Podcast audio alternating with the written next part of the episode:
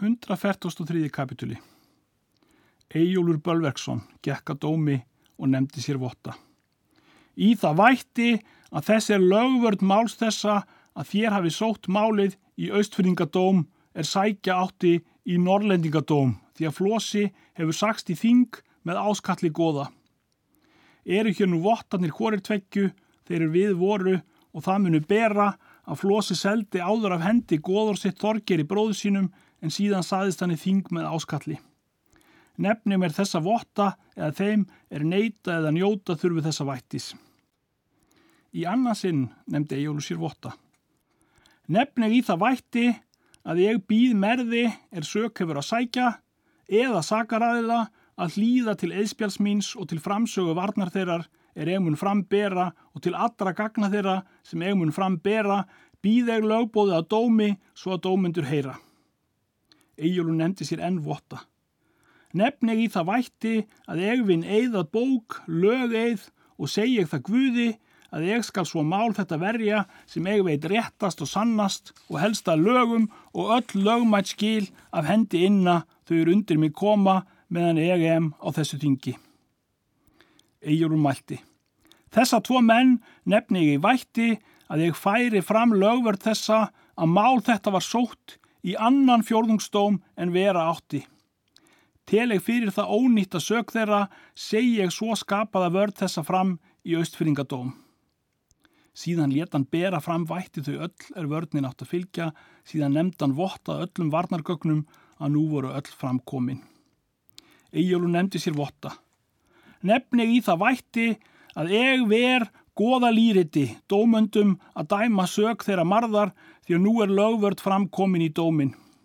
Ver eg lýriti, goða lýriti, laga lýriti, evalusu lýriti, fullu og föstu svo sem eiga á að verja að alþingismáli réttu og allsherjar lögum. Síðan leta hann dæma vörnina. Þeir áskrimur letu sækjum brennumálin og genguðu fram. 144. kapituli Nú er þar til máls að taka að þeir áskrimur sendu mann til Þórhalds og letu segjunum hvar þá var komið. Og fjarrri var ég þó nú, hvað Þórhallur, því enn myndi þetta mál eigi þann veg farið hafa ef ég hefði við verið. Sé ég nú atför þeirra að þeir munu ætla að stefnuður í fymtardóm fyrir þingsafglöpun. Þeir munu ætla að ég fengja brennumálið og láta eigi dæma mega því að nú er svo atför þeirra að þeir munu einskis íl svífast. Skaltu nú ganga til þeirra sem skjótast og segja þeim að mörður stefniðin báðum, floss og eigolvi, um það er þeir hafa fjö borið í dómin og láta varða fjörböksgarð. Þá skal hann stefna þeim annari stefnu um það er þeir báru vætti þau er eigi áttu mála að skipta með þeim og gerðu í því þings af glöpun. Segð þeim að ég segi svo ef tvær fjörböksakir er á hendur einu manni að þann skal dæma skóarmann. Skuli þér því fyrri til búa í þart mál að þá skuli þér fyrri sækja og dæma. Nú fór sendimarinn í braud og sagði þeim merðu áskrimi. Síðan genguði til Löfbergs. Mörður Valgarsson nefndi sér votta. Nefni í það vætti að ég stefni flosa þórðarsinni um það er hann gaf fjö til liðsér Eyjólfi Bölverksinni hér á þingi. Teleg hann eiga verða um sög þá sekjan fjörböksmann því aðeins ferjanda nýje festum helganda nema fjörbögur eða aðalfestur komi fram að fjeransdómi en alsekjan skóarmann elligar. Teleg segt fjö hans allt, hálft mér en hálft fjórðungsmönnum þeim er sektar fyrir eiga að taka eftir hann að lögum. Stefning málið þessu til fymtardóm sem málið á í að koma að lögum, stefning nú til sóknar og til sektrar fullarar, stefni í lögstefnu, stefni í heyranda hljóða lögbergi. Slíkri stefnu stemdan Eyjólfi Bölverksinni um það er hann aðeins þegið fjöð, stemdan og þeirri sök í fymtardóm. Í annarsinn stemdan Floss og Eyjólfi um sög þá er þeir báru vættiðu og þingi er eigi áttu mála skipta með mönnum og gerði því þings afglöpun. Létan og það varða þeim fjörbökskarð. Genguðu þá í braud og til lögréttu, þar var þá fymtardómurinn settur. Þá er þeir áskrimur og mörður voru í braud gengnir, þá urðu dómundur ekki ásáttir hversu dæma skildi því að þeir vildu sumir dæma með flosa en sumir með merðu áskrimi urðu þeir þá að ég fengja dómin. dvöldust þeir flosa og Eyjólfur að þessu meðan stefnundar höfðu verið. Littlu síðar var þeim flosa og Eyjólfi sagt að þeim var stemt að lögbergi í fymtardóm tveim stefnum fórum þeirra. Eyjólfur mælti. Íllu heilli höfu við hér hér dvalist er þeir hafa fyrri orðið að bragði að stefna en við er. Hefur hér nú framkomið slæð Þórhalds og er hann engum manni líkur að viti sínu. Eigu þeir nú fyrri að sæki dóm sín mál, láðum þar og allt við, en þó skulum við nú ganga til lögbergs og búa til mál og hendur þeim þótt oss komið það fyrir lítið. Fóruð þeir þá til lögbergs og stemdi Eyjólfur þeim um þingsafglöpun síðan genguður til 15. dómsins.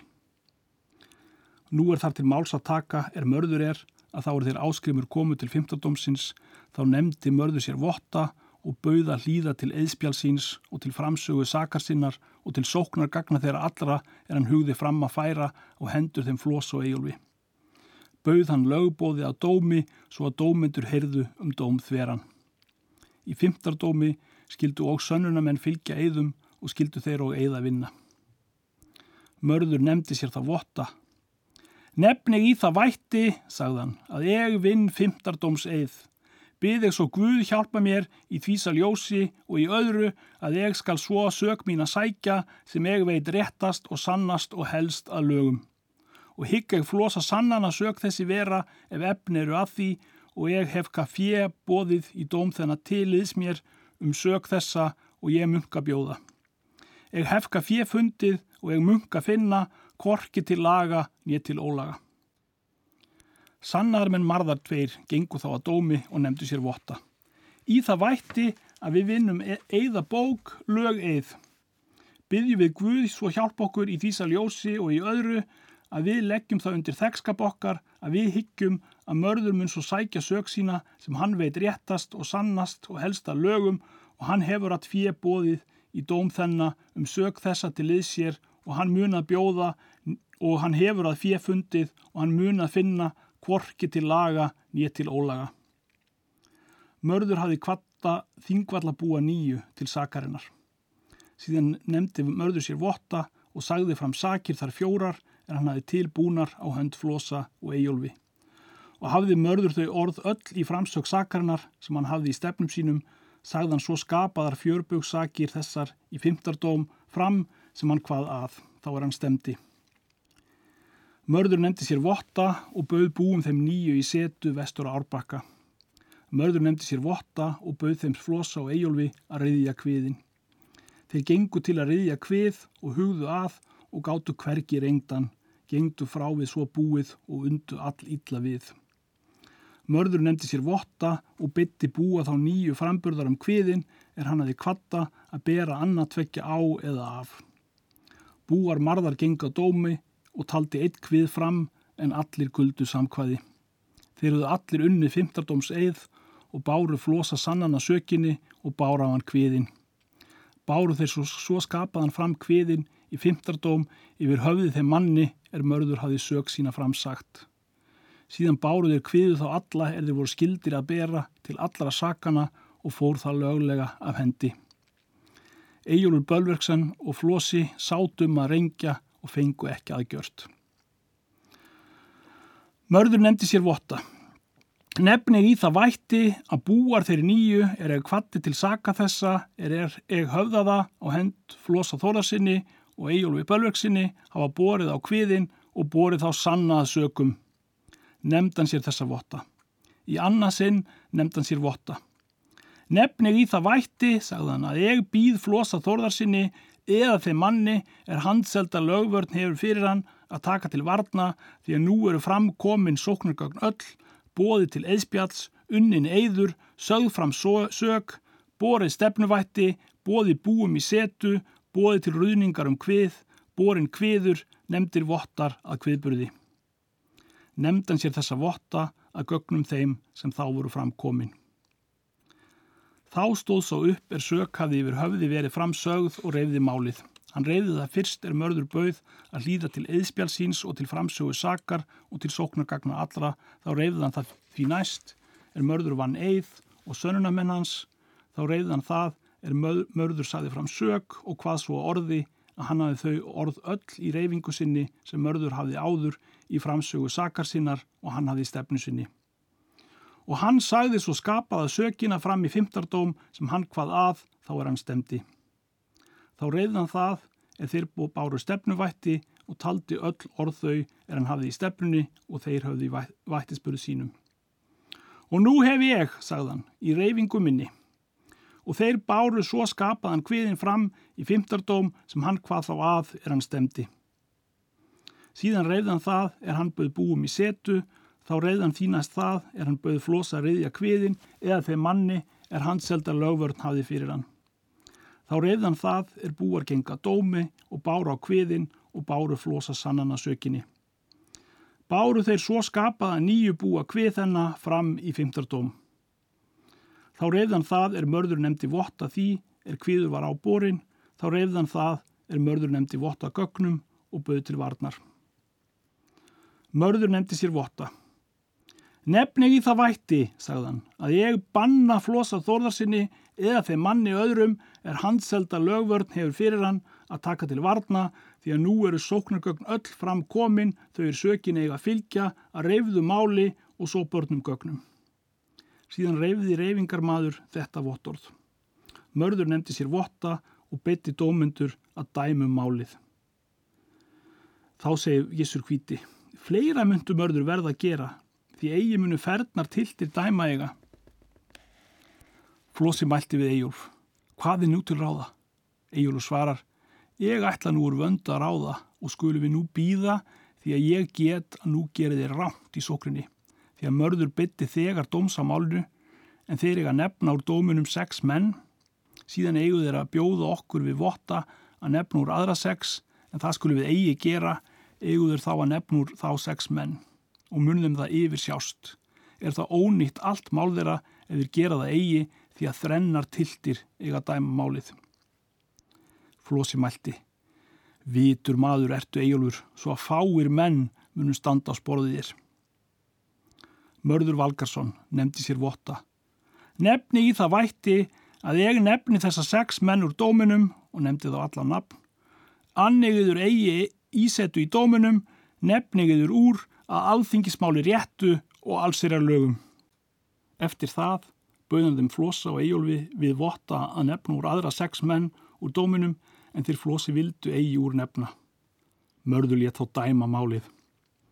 Og er dæmt var málið þá nefndi Egjólu sér votta og kallaði ónýttan dóm þeirra og allt það er þeir höfðu aðgjört, fann það til að dæmt hafði hálf fjórða tilt þar sem þrennar áttu. Skulum við nú sækja fymtardómsakir vorar á þá og gera þá seka.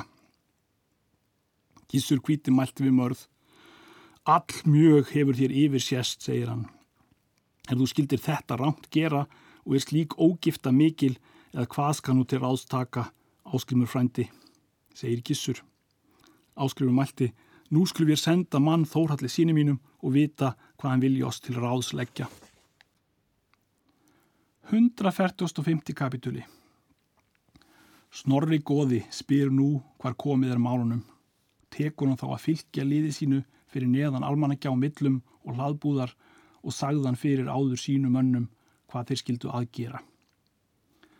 Nú er frá því að segja að sendimaðurinn kemur til Þórhalds og segir honum hvar þá var komið að þeir myndu sekir vera görðir allir en eitt öllu víksmálunu. En er hann heyrði það, brá hann svo við að hann mátt ekki orðmæla. Hann spratt upp úr rúminu og greip spjótið skarpjænsnaut, tveim höndum og raki gegnum fótin á sér.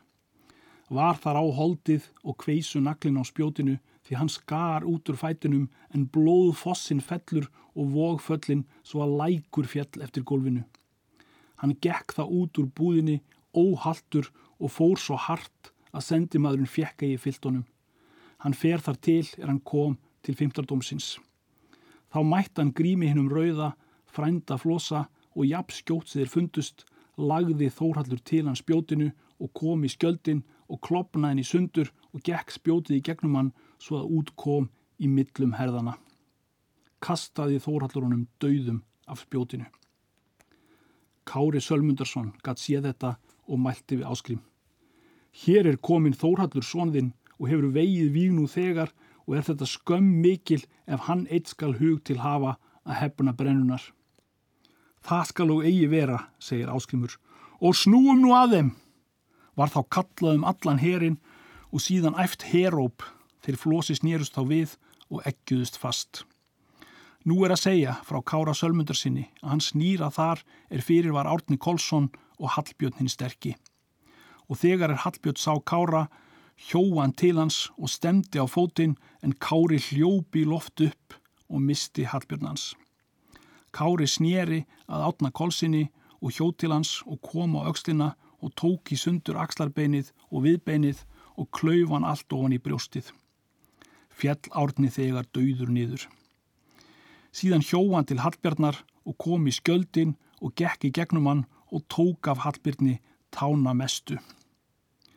Holmsteitt skaut spjóti til Kára en hann tók á lofti og sendi aftur og var það manns bani í liði flosa. Þorgir skorargeir koma þar er Hallbjörn var hinn sterkki. Þorgir lagði til hans svo fast með annari hendi að Hallbjörn fjall fyrir og komst nauðulega fætur og snýri þegar undan. Þá mætti Þorgir Þorvaldi þrjum ketilsinni og hjóð þegar til hans með auksinni rimmugíi er áttaði skarpiðin. Hann kom fyrir sig skildunum. Þorgir hjó í skjöldin og klauf allan en hyrna nam brjóstið og gekka hól og fjall Þorvaldur þegar og var dauður. Nú er að segja frá því að Áskrimur og Þórhallur sonans, Hjalti og Gissur Kvíti sóta þar sem fyrir var Flosi og Sigfúsinir og brennum en aðrir. Var þar all harður bardagi, laug með því að þeir Áskrimur gengað svo fast að þeir Flosi rukku fyrir. Guðmundur hinn Ríki og Mörður Valkarsson og Þorgir Skorargeir sóttu þar að er fyrir voru auksfyrðingar og austfyrðingar og reikdælir. Var þar allharður bardagi.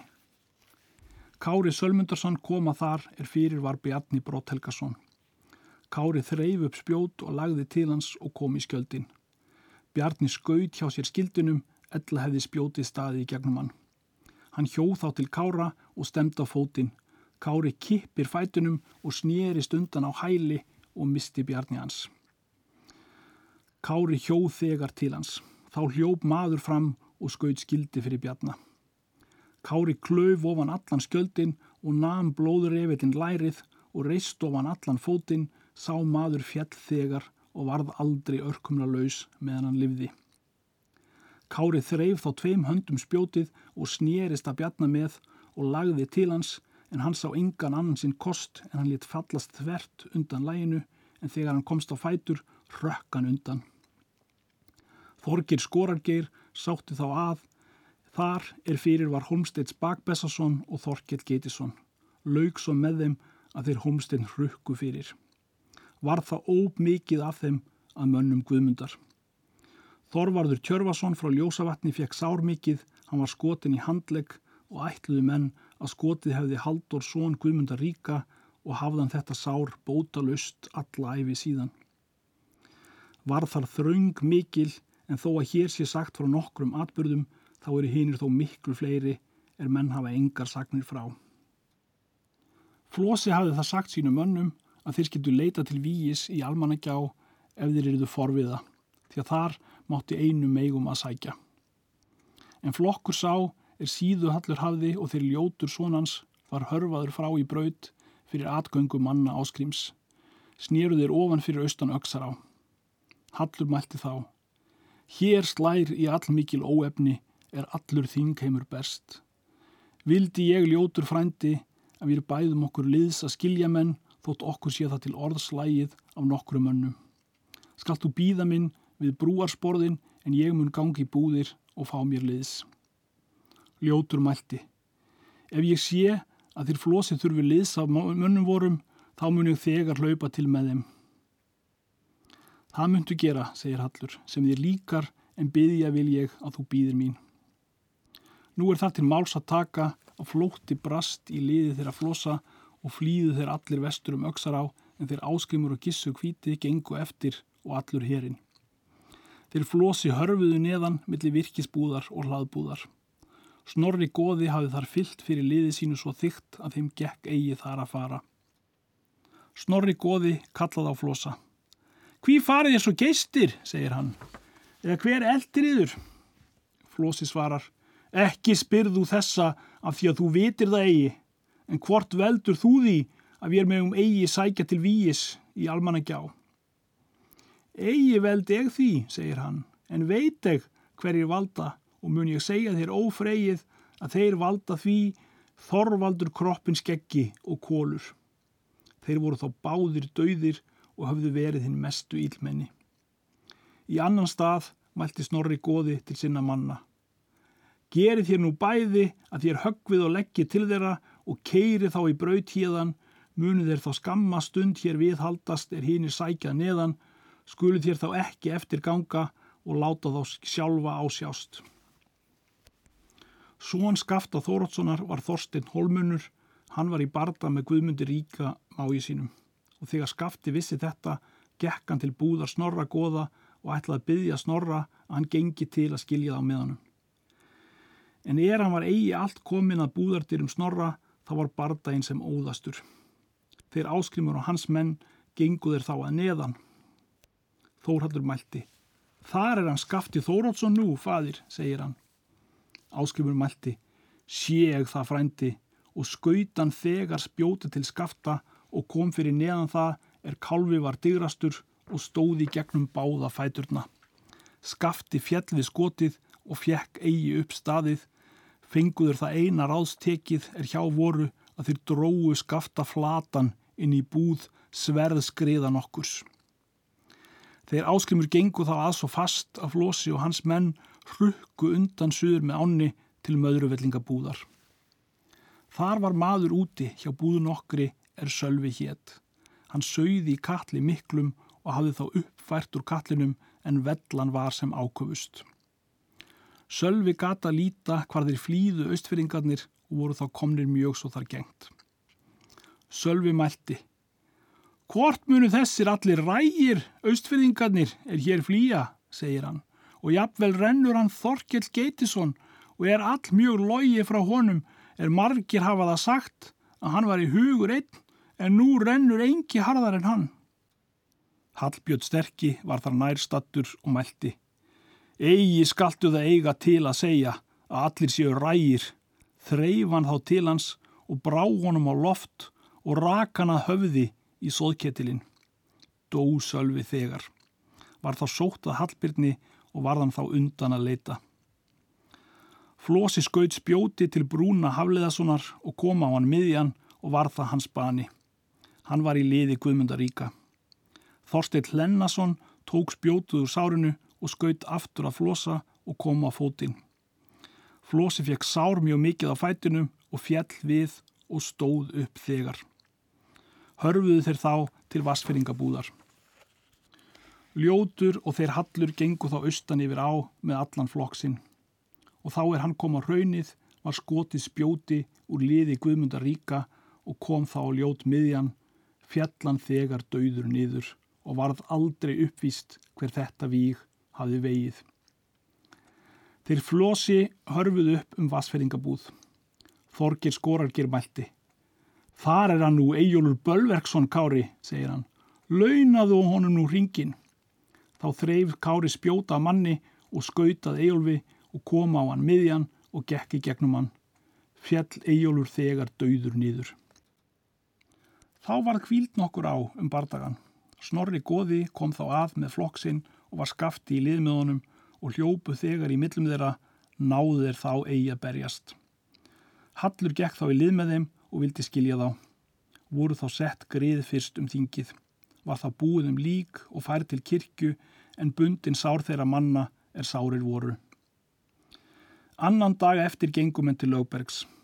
Hallur af síðu stóð upp og kvatti sér hljóðs og fjækst þegar. Hallur mælti.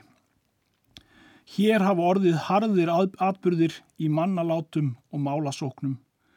Muni nú sína það að ég em lítil menni. Vil ég byggja áskrim og þá menn aðra er fyrir málum þessum erum að þeir unni oss jafnsættis fóran þar um mörgum fögurum orðum. Kári mælti, þótt allir sættist aðrir á sín mál, þá skal ég eigi sættast. því að þér munu vilja virða víg þessi í móti brennunni en við þólum það eigi. Slíktið sama mælti Þorgir Skorargeir. Þá stóð upp skafti Þórótsson og mælti. Betra væri þér kári að hafa eigi runnið frá máum þínum og skerast nú eigi úr sættum. Kári hvað þá vísu þessa. Hvað skattu runnur þóttir innum, randlins of sök minni, hagl dreif skart á skögglar, skýjum ossa fría. Hinn er hjælt, þá er hjælta, hátungur mjög sungu, brinju meður til búðar, blöyður með skeggið rauða. Kári hvað vísu aðra. Varð þá er vígan jörðu, vilja þrauta skilja, lít gekk skáld fyrir skjöldu, skafta martað hafti. Er mat sjóðar móða, málmróks flatandróu, slíkt er alltaf æðru, inn í búða trúðar. Kári hvað hinn að þriðju vísu. Höfðu grímsað gamni, græðis elgs og helga, rétt unnu þá runnar, rennendur nýjals brennu. Númun borgs í björgum, bögs nikkjöndum þykja, lingsað loknu þingi, ljóts annan veg þjóta. Þá varð hlátur mikill. Snorri góði brosti að og hvað þetta fyrir munni sér, svo þó að margir heyrðu. Vel kann skafti skilja, skaut áskrimur spjóti, villað holmsteinn flýja, vegur þorkja til nöyðugur. Hlóu menn og all mjög. Hattur af síðumælti. Allir menn vitu hvern harm eig hefi fengið að ljótur són minn er látin. Munu það margir ætla að hann munu dýrstur gjör af þeim mönnum er hér hafa látist. En ég vil vinna það til sætta að leggja són minn ógildan og ganga þó til að veita þeim bæði treyður og grið er mínir mótstöðum en eru. Byðeg þig, snorri góði og aðra hérna bestu menn að þér komið því til leiðar að sættir verði með oss. Síðan settist það niður og varð rómur mikill og góður gjör að máli hans og lofuðu allir mjög hans góðkind. Snorri góði stóð þá upp og talaði langt erindi og snjált og bað áskrim og gissur og aðra þá menn ef fyrir málum voru þaðan að að þeir skildu sættast. Áskrimur mælti. Það ætlaði ég, þá er flosi reið heimað mér að ég myndi aldrei við hann sættast en þó vil ég nú fyrir orðin snorri goði og annara vina minna eigi undan skerast.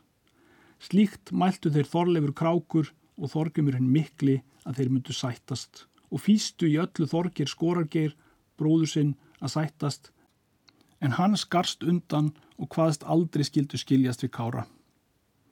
Þá mælti gissur hvíti.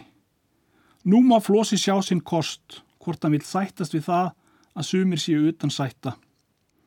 Flósi hvað sættast vilja. Þykir mér því betur, segir hann, er ég hefi færri góða menn í móti mér. Guðmundur ríki mælti, það vil ég bjóða að hansala fyrir víg þau er hér hafa orðið á þinginu að mínum hluta til þess að ekki falli niður brennumálið.